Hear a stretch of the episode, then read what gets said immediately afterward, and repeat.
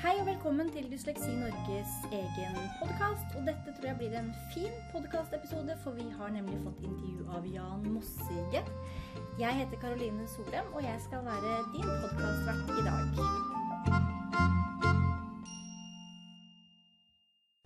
Jan Mossige, du er, eh, jobber på Bjørknes høgskole som høyskolelektor.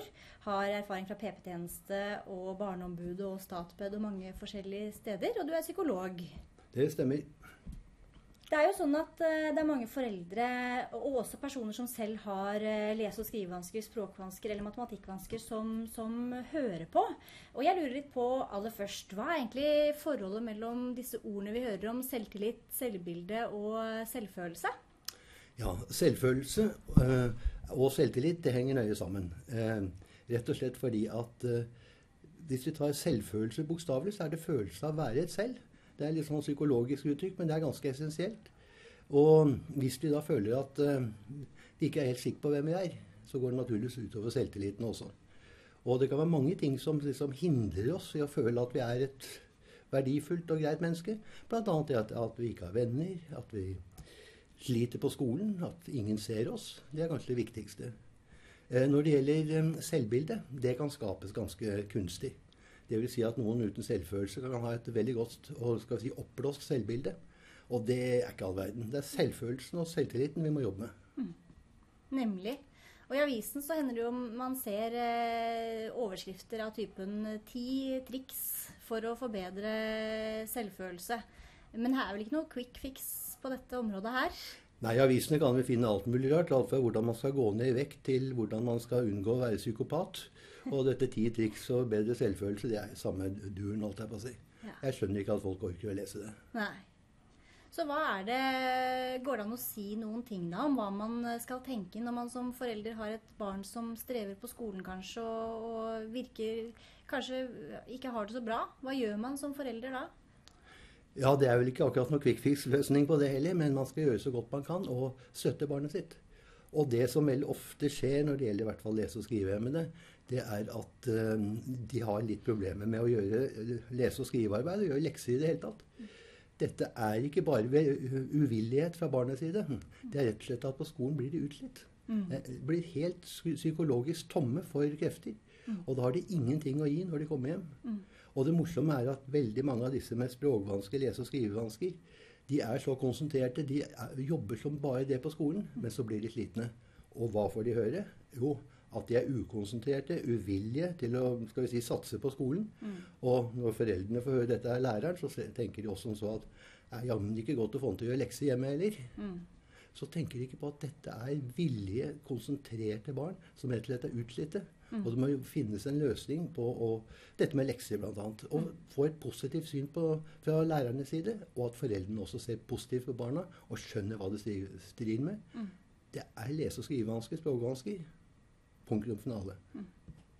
Og, og lekser er jo høyt oppe på agendaen nå. Det debatteres jo av mange. Skal vi ha lekser? Hvordan skal leksene i så fall være? Skal det være på skolen? Hva tenker du om eh, det?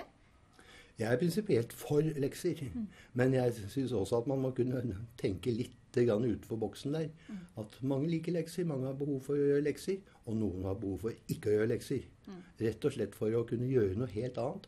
Eh, Og da tenker jeg særlig på og skrivehemmet og de med språkvansker.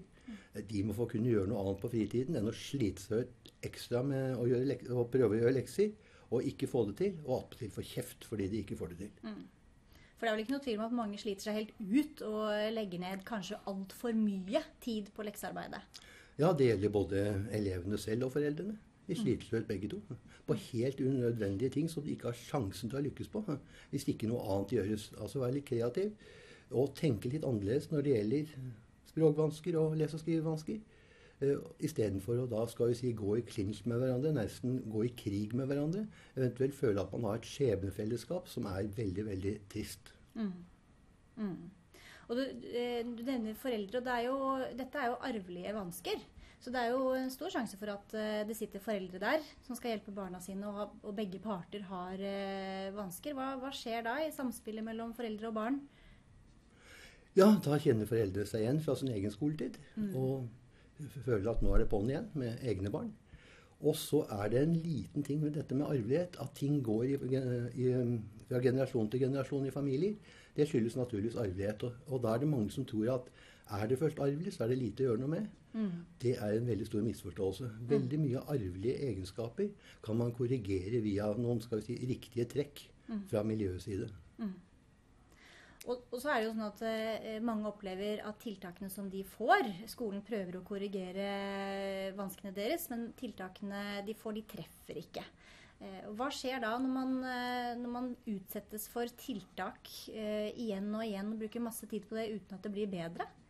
Ja, Da kan vi gå tilbake til selvfølelsen og selvtillit igjen. Den brytes jo ganske mye ned. For man tror at det er en selv som det er noe i veien med. Veldig ofte er det, er det instruksjonen eller opplæringen det er noe vei, øh, i veien med. Den treffer ikke, som du sier, den treffer ikke barnet. Mm. Men det er barnet som sitter igjen med svarteper, og for så vidt også familien. Mm. Eh, Dvs. Si at skolen av og til ikke tenker over at hvis den type opplæring ikke virker, så må man gjøre noe annet. Mm. Det er ikke barnets skyld. Så vi snakker ofte om lærervansker istedenfor lærervansker. Ja. ja. Ikke sant. Ja, for læreren må jo tilpasse. Læreren skal jo tilpasse, men gjør det ikke alltid. Nei, og de fleste lærere gjør jo så godt de kan. Men det er en pussig ting. Det er at eh, bak de aller fleste lese- og skrivevansker så ligger det språkvansker. Mm. Men språkvanskene blir ikke systematisk undersøkt på skolen. Mm. Dermed står man igjen med lese- og skrivevanskene og prøver å gjøre noe med dem. Men hvis uh, man har ubehandlede språkvansker, mm. så hjelper ingen uh, lese- og skriveopplæring i det hele tatt. Det er bortkastet tid. Det er ikke bare bortkastet tid. Det skrur elevens selvtillit ned hakk for hakk hver eneste dag man møter på skolen og ikke får til ting. Mm. Og så må jeg få tilføye en ting til. Og det er at uh, mange sukker tungt når, hvis de vet at uh, barn deres har språkvansker. For mm. det er en slags myte eller en slags religion, nærmest, om at har du først språkvansker, så er det ingenting å gjøre med det. Mm. Uh, man må da skal vi si, få hjelp og klare seg så best man kan. Mm. Det er heldigvis ikke tilfellet. Det er lett å oppdage språkvansker, lett å kartlegge, og det er faktisk i mange tilfeller ganske lett å gjøre noe med dem på relativt kort tid. Mm. For, for, det er jo noe vi hører, uh, hører, ofte. Foreldre som ringer, de har barn med språkvansker, men de får tiltak som egentlig passer for lese- og skrivevansker. Er det så enkelt som at det skyldes at lese- og skrivevansker er mer kjent? Ja, jeg tror rett og slett det. Mm. Eh, veldig mange, og det gjelder lærere og det gjelder oss alle sammen, mm. eh, vi tror at språkvansker kanskje er noe sånn stamming og taleflytvansker og en del sånne mm. ut, uh, artikulasjonsvansker. Mm. Men det er en generell, skal vi si, senhet, for å si det sånn, med å forstå hva ord betyr. Og hvis du da skal vi si, må bruke litt tid på å forstå hva ord betyr, da faller du ut av en samtale. Eh, da prøver du å konsentrere deg, jobbe som bare søren med å skjønne hva som blir sagt i en samtale. Mm. Men du ligger alltid litt på etterskudd. Mm. Og det må det gjøres noe med. Mm, ikke sant. Så er det jo et uh, siste område som vi ikke har vært så mye på, matematikkvansker. Og, og mat matematikkfaget er jo veldig nært knytta opp mot uh, det er mange elever som rapporterer om angst. Veldig, veldig mange som snakker om mentale blokkeringer nærmest i matematikkfaget. Så er jo det de som har matematikkvansker, og noe helt bestemt rundt det. Hva, hvordan er situasjonen for dem, tror du, i skolen? Den er relativt dårlig, og det er relativt problematisk. Eh, men jeg tror at lærerne også skal, da, skal si, ta et skritt tilbake og tenke seg litt om. Veldig mye av det de tror er matematikkvansker, er faktisk språkvansker. Ja. Og bare for å ta et lite eksempel. For mange år siden kom guttungen min hjem med følgende regnestykke. Eh, hvis telleren er 250 og nevneren er 50, hvor mye er da kosienten? Dette kunne guttungen som ingenting, for han har ikke språkvansker. Men hvis du ikke vet hva teller, nevner og kosient er, så tror du at du ikke klarer å regne det ut. Men nesten alle klarer å dele 250 på 50 og få 5. Mm. Da må du vite hva teller, nevner og kosient er. Og det må skal vi si, læres helt spesifikt. Og du må kunne begrepene. Matematikk er et språk, det også. Det er et språk. Mm. Og veldig mye av disse mer matematiske operasjonene man driver med, mm. skal vi si til og med tiende klasse i Norge, mm. de er noenlunde enkle. Men man må kunne uttrykkene, man må kunne begrepene. Mm. Det vil si at barn med språkvansker de blir også skal vi si, utsatt for mistanke om at de også har matte, matematikkvansker, mm. og eventuelt også sammensatte lærevansker. Mm. Og så er det kanskje bare språkvansker. Ja, nemlig. Og så er det jo noen som har matematikkvansker også, uten språkvansker. Det er det absolutt. Mm, mm, Men det er et fåtall. ja, mm, nemlig. Og jeg, vet, og jeg aner ikke, for jeg har mistanke om at kanskje 2-3 av elevene har, eh, har genuine matematikkvansker. Og kanskje 2-3% av elevene har dysleksi. Mm. Resten sliter med språkvansker, som ofte ikke blir avdekket, og ofte ikke blir gjort noe med. Mm. Ja, det er jo litt ulike tall. Man er jo litt Ja usikker. Det kommer litt an på avgrensing og hva man teller inn i definisjonen, og hvor man setter eh, sluttpunktet for de man teller med. Absolutt. Dette er litt tenkbare tall. Mm, Ja. Ikke sant? Mm. Det er i hvert fall, eh, uansett hvordan man vrir og vender på det, en gruppe, gruppe elever i skolen som, som trenger noe ekstra støtte for å eh, få til skolen.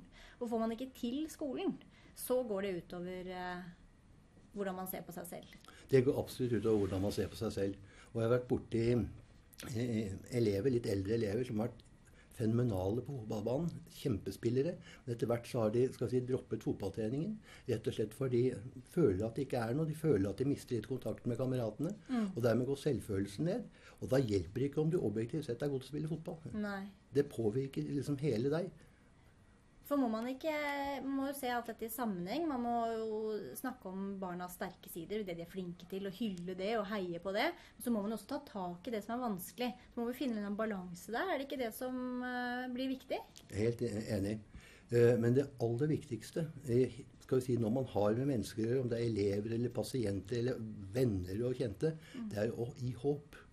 Et realistisk håp. At man kan se inn i fremtiden og skal si, glede seg over ting som kanskje vet at det ligger skal vi si, muligheter skal vi si, litt inn i fremtiden. Selv om man strever nå, så har man muligheter for å leve et rikt og fint liv i fremtiden. Håpet er noe av det viktigste vi kan ha.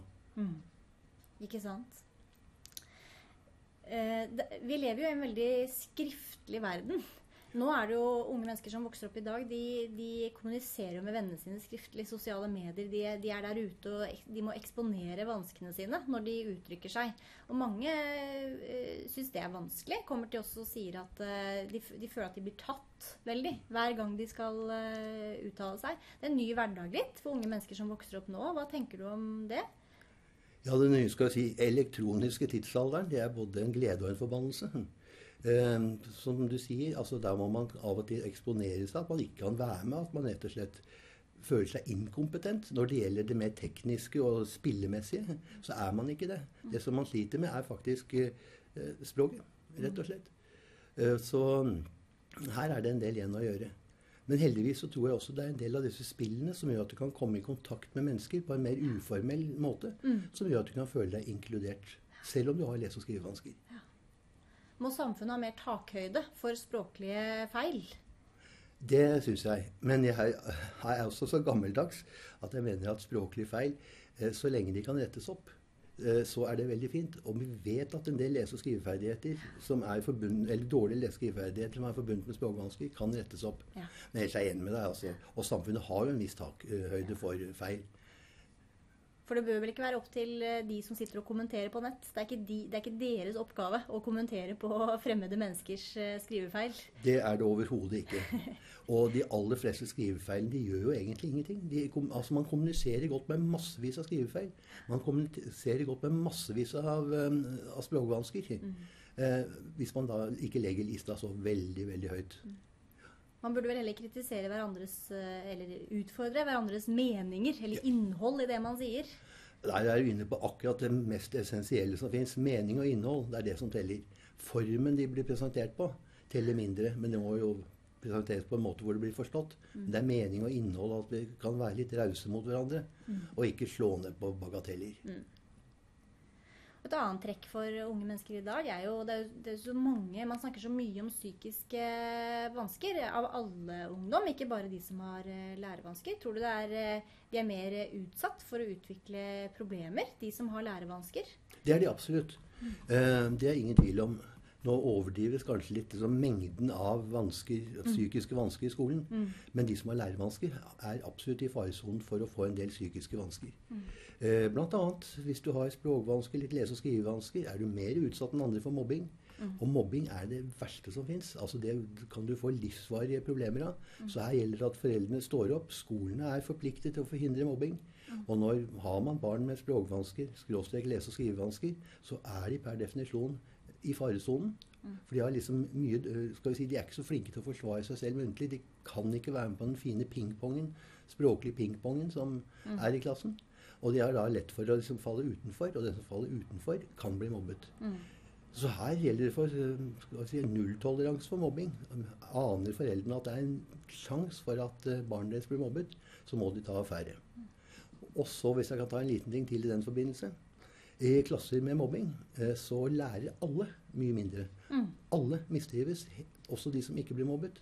Så det er også en oppgave for foreldre med barn som ikke blir mobbet, å sjekke om det er mobbing i klassen. For de kan være såpass egoistiske og si at jeg blåser i de som blir mobbet, men jeg blåser ikke i min egen sønn eller datter. Vedkommende skal få maksimalt læreutbytte, og dermed skal vi også sørge for at, bidra til å sørge for at mobbing ikke skjer. En liten egoistisk vrin på det. Hva sier man da som, eh, men hva sier man som forelder hvis, eh, hvis man har et barn som man tror blir mobbet? Da sier man ganske enkelt at, til skolen at uh, mobbing må stoppe. Jeg har mistanke om at barnet blir mobbet.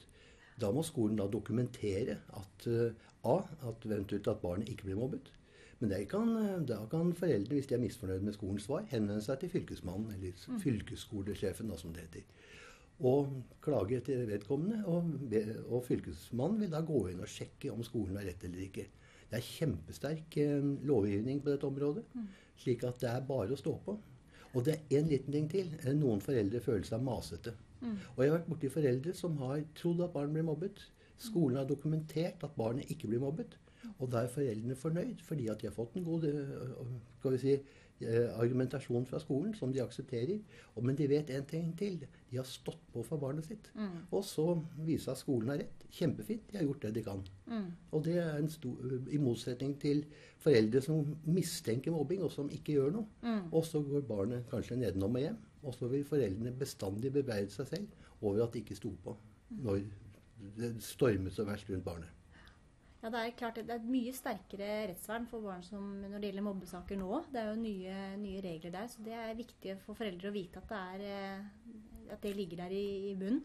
Men, men hva sier man eh, til barnet for å støtte barnet? Eh, hvis man tenker, ser bort fra den situasjonen der man kan kjøre sak og jobbe formelt, men hva sier man til barnet sitt? Det er et par ting som er viktige. Eh, Barnet sier ofte ikke, det, ikke selv at det blir mobbet. Eh, Rett og slett fordi de syns det er litt flaut. Eh, slik at foreldre er ganske rå der og si fra at vet at det skjer ting med deg på skolen. Dette skal vi stoppe. Ja. Eh, og du, altså foreldrene dine skal, skal vi si, kan du stole på. Vi skal stå på. Selv om du selv syns det er flaut. For dette kan ikke gå- lenger. Og så er det en bitte liten ting til. Det er at jeg syns det er litt trist at det er ikke Altså idrett, sport, fotball, det jo, betyr jo veldig mye for barn i dag. Eh, å, være med i en større sammenheng og kunne skal vi si, drive med ball, det er viktig. Og jeg tror det er viktig at også fritidsledere er klar over denne muligheten for mobbing. Og slår det med en gang. Jeg vet at fotballforbund, Norges Fotballforbund har vært ganske flinke, men de kan bli enda flinkere til å Ja. instruere instruktørene sine. Ja, ikke sant? I motsatt, en motsatt situasjon, da, hvis man mistenker at eh, barnet eh, mobber Man har et barn som mobber. Hva sier man da? Da tar man det opp med skolen, og rett og slett. Og hvis man da er såpass ærlig som foreldre at man er bekymret for at barnet sitt mobber, eh, så tar man det opp med skolen og ber skolen stoppe dette her. Skolen er bedre til å stoppe det enn foreldrene. Det kan ofte bli litt sånn krangling og vondt blod. Men skolen har, bør ha teknikker for å stoppe det. Og det er et godt poeng du har, fordi at har man et barn man mistenker er en mobber, så vet man at det, det går dårlig med vedkommende, både faglig og sosialt, etter hvert. Ja. Det går bra skal vi si en stund, men så går den nedenom og hjem. Så som sagt, det å ha barn som man mistenker mobber, det bør man også ta opp med skolen. For barn som mobber, kan vel også, det kan vel også komme av at de prøver å få utløp for noe greier de syns er vanskelig? Det er mulig. det. Vi er veldig usikre på hva som skal vi si, ligger bak denne skal vi si, trangen eller for å si det enkelt, til å mobbe. Man er litt usikker på det, men noen barn sliter naturligvis. Og klarer å kompensere gjennom å skal vi si, trykke andre ned i søla. Det er også en måte, altså Mobbing kan også være en måte å danne et sånn sosialt fellesskap på. Man finner da noen som er i samme faresone som seg selv, og så lager man en liten gjeng, en liten uformell gjeng, som for så vidt etter hvert tar makten i klassen. Nemlig. Og uh, Sett bort fra mobbing i andre situasjoner også, så er jo det noe som hvert fall vi får mange henvendelser på her i organisasjonen. Det er jo barn som har da lese- og skrivevansker, matematikkvansker, språkvansker, ikke blir sett. Så utvikler de dårlig atferd. De, de, utvikler uh, det som en slags måte å få utløp for, for, kanskje sinne på eller frustrasjon. Hva er det som skjer uh, når, når barn gjør det? Kan se på det fra den andre vinkelen. Eh, for en stund siden så var det en svær elevundersøkelse som heter 'Elever kan selv'. Det var over 400 000 respondenter. Og si, et av si, poengene som kom frem der, var at hvis læreren ser meg, da har jeg venner. Da blir jeg ikke mobbet. Da gjør jeg lekser. Da er det en glede å gå på skolen. Mm. Så var det snakk om elevdemokrati og fysiske sånne til, ja, saker på skolen. Og da var også si, svaret som følger Hvis læreren ser meg, så er ikke elevdemokratiet noe særlig viktig. Og da er det fysiske skal vi si, innemiljøet av mindre betydning. Så vi kommer fram altså til at det er én joker på skolen. Det er læreren og læreren og læreren. Så det er utrolig hva hvis læreren klarer å se hver enkelt elev. Mm. hva en sånn lærer kan få til. Og heldigvis, de aller fleste lærere er der.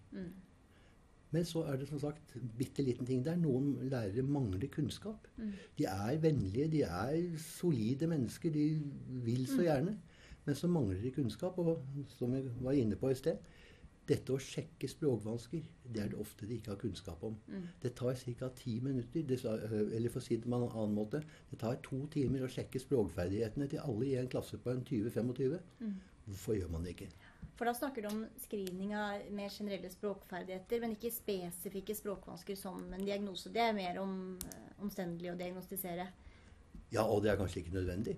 Mm. Rett og slett har man funksjonelle språkvansker av en eller annen sort, Mm. Eh, så må det gjøres noe med det. Og det er ikke skal vi si, tiltak som er spesielt rettet mot såkalte spesifikke språkvansker. Og i dag så snakker man ikke om spesifikke språkvansker lenger heller. Man snakker om generelle språk, språkvansker. Fordi det er umulig å skjelne, skal vi si, dele språkvansker inn i noen særlig fine grupper. Og så har man da tiltak. Mm. Eh, som man kaller 30-ordslisten, ordmestringsmetoden. Som er raske og greie tiltak som også kan fungere som utprøvende opplæring. Mm. Utenom spesialundervisning. Man kan kjøre disse si, eh, metodene jeg nevnte, mm. som en del av den ordinære opplæringen. For mange foreldre så er det jo viktig med, med, å ha ord på ting. og selv om man Spesifikke språkvansker er jo et begrep som er på vei ut og erstattes kanskje av utviklingsmessige språkforstyrrelser, eller hvem, hvem, vet hva det ender opp som. Det er en debatt som ikke er helt landet. Men det er jo viktig for, eh, for mange å, å, ha et navn på det. Og liksom forklare at de har en vanske som ikke skyldes eh, dem selv. At ikke det er de som har gjort noe feil, eller ikke vært flink nok. Ja. Mm. Og jeg syns, funksjonelle språkvansker mm. er en veldig fin betegnelse. Mm. Det, altså, funksjonen er slik at du har litt mer problemer med å forstå hva ord betyr, eller ordmeninger, mm. enn andre. Og dermed kan dette få ulike konsekvenser. Bl.a. Mm. at du faller ut i en samtale fordi du sliter så fælt med å forstå hva ord betyr. Mm. Og en opplæring i dette, en måte å skal vi si, ja, forbedre språkferdighetene på, forbedre forståelsen, det er en, det som jeg nevnte, denne ordmestringsmetoden, som er faktisk å få barna til å, eller eleven da, til å ha en dialog med hverandre og ha en dialog med læreren. Mm. Det skaper selvtillit. Ja. Mm. Er det mange barn med lærevansker som utvikler skolevegring? Det er det nok. Når det gjelder skolevegring, så vet vi for lite. Det er mm. for mye synsing. Mm. Men sånn rent synsemessig så syns jeg ikke det er noe tvil om at dette må føre til skolevegring. De har ikke noe på skolen å gjøre mange Nei. ganger. Og for å ta en liten, si, en liten avstikker der eh, Barn som blir mobbet, og som sagt, eh, barn med lese- og skriveferdigheter og skrivevansker og funksjonelle språkvansker, de er i faresonen. Eh, jeg syns at så lenge mobbingen pågår, har det ingenting på skolen å gjøre. Så når jeg får, råd, eller får spørsmål fra foreldre, det gjør jeg veldig ofte, og skolen ikke reagerer, så sier jeg at gå til fastlegen, sykmeld barnet. Få fastlegen til å sykmelde barnet. Ja. For det har ikke noe på skolen å gjøre. Og når da fastlegen gjør dette, og det gjør alle fastleger så langt gjort, og syns det er et artig eksperiment, ja. da reagerer skolen. Ja. Det er en form for skolestreik for eget læringsmiljø. Ja, og, og det er faktisk rent medisinsk riktig. Ja. Altså Du blir syk av å gå på skolen og bli plaget. Og skal vi si, kanskje i tillegg til lese- og skrivevansker og språkvansker, så skal du også få jekket ned selvfølelsen din og selvbildet. Ja. Eh, Det er ikke noe positivt. Det er helsemessig både psykisk og fy- fy- fysisk eller somatisk veldig uheldig. Så det er helt fair sak å sykmelde disse barna inntil skolen får rettet opp det psykososiale miljøet. Det er jo eh, vært noen eh, studier så vidt jeg vet, som har sett på at eh, for voksne personer med disse vanskene, så er det det som er igjen da, er det, det som er størst eh, Det som er mest problematisk for dem, er problemer med selvtillit. Ja. Ikke egentlig lese- og skrivevansken eller språkvansken, men at det har ført til eh, dårlig selvtillit. Og det er ikke noe rart hvis de har da en negativ interaksjon, eller negativ skal vi si, opplevelse av å være sammen med andre på skolen. Så opplever de dette som at det er de selv som ikke er verdt å være sammen med. Og dette bygger jo ned den sosiale kompetansen deres så det holder.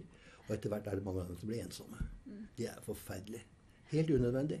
Men som sagt, veldig mye av en nederlagsfølelse den lages jo i skoletiden. Rett og slett for der blir du satt på prøve. Men det er også motsatt. Hvis skolen reagerer riktig, så kan de bygges opp utrolig på skolen. Så skolen er en, som regel en veldig friskhetsfaktor i barns liv, men kan være også det motsatte. Og det er synd. Har du noen siste avsluttende råd eller ord til foreldre? Ja, det må være ikke gi opp. Det er ingen grunn til å gi opp. Det er all mulig grunn til å fatte håp. Eh, Håp må ikke være urealistisk, men det, det, kan være i alle tilfeller veldig realistisk. Men skolen må da, eh, foreldrene må sørge for å ha veldig god kontakt med den institusjonen som betyr så mye for barna, nemlig skolen. Og denne kontakten kan også være negativ, som jeg nevnte i sted.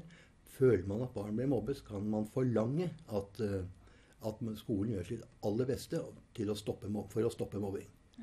Som eksempel, stå på, ikke mist motet. Eh, ha, selv om det, mange foreldre har dårlige erfaringer fra egen skole, skoletid, nå har vi mer oppegående skole enn vi har hatt på lenge, så stå på. Det nytter. Ikke gi opp, rett og slett. Nei, nei, nei. Ikke gi opp. Takk for praten. I like måte. Det var hyggelig å få komme hit.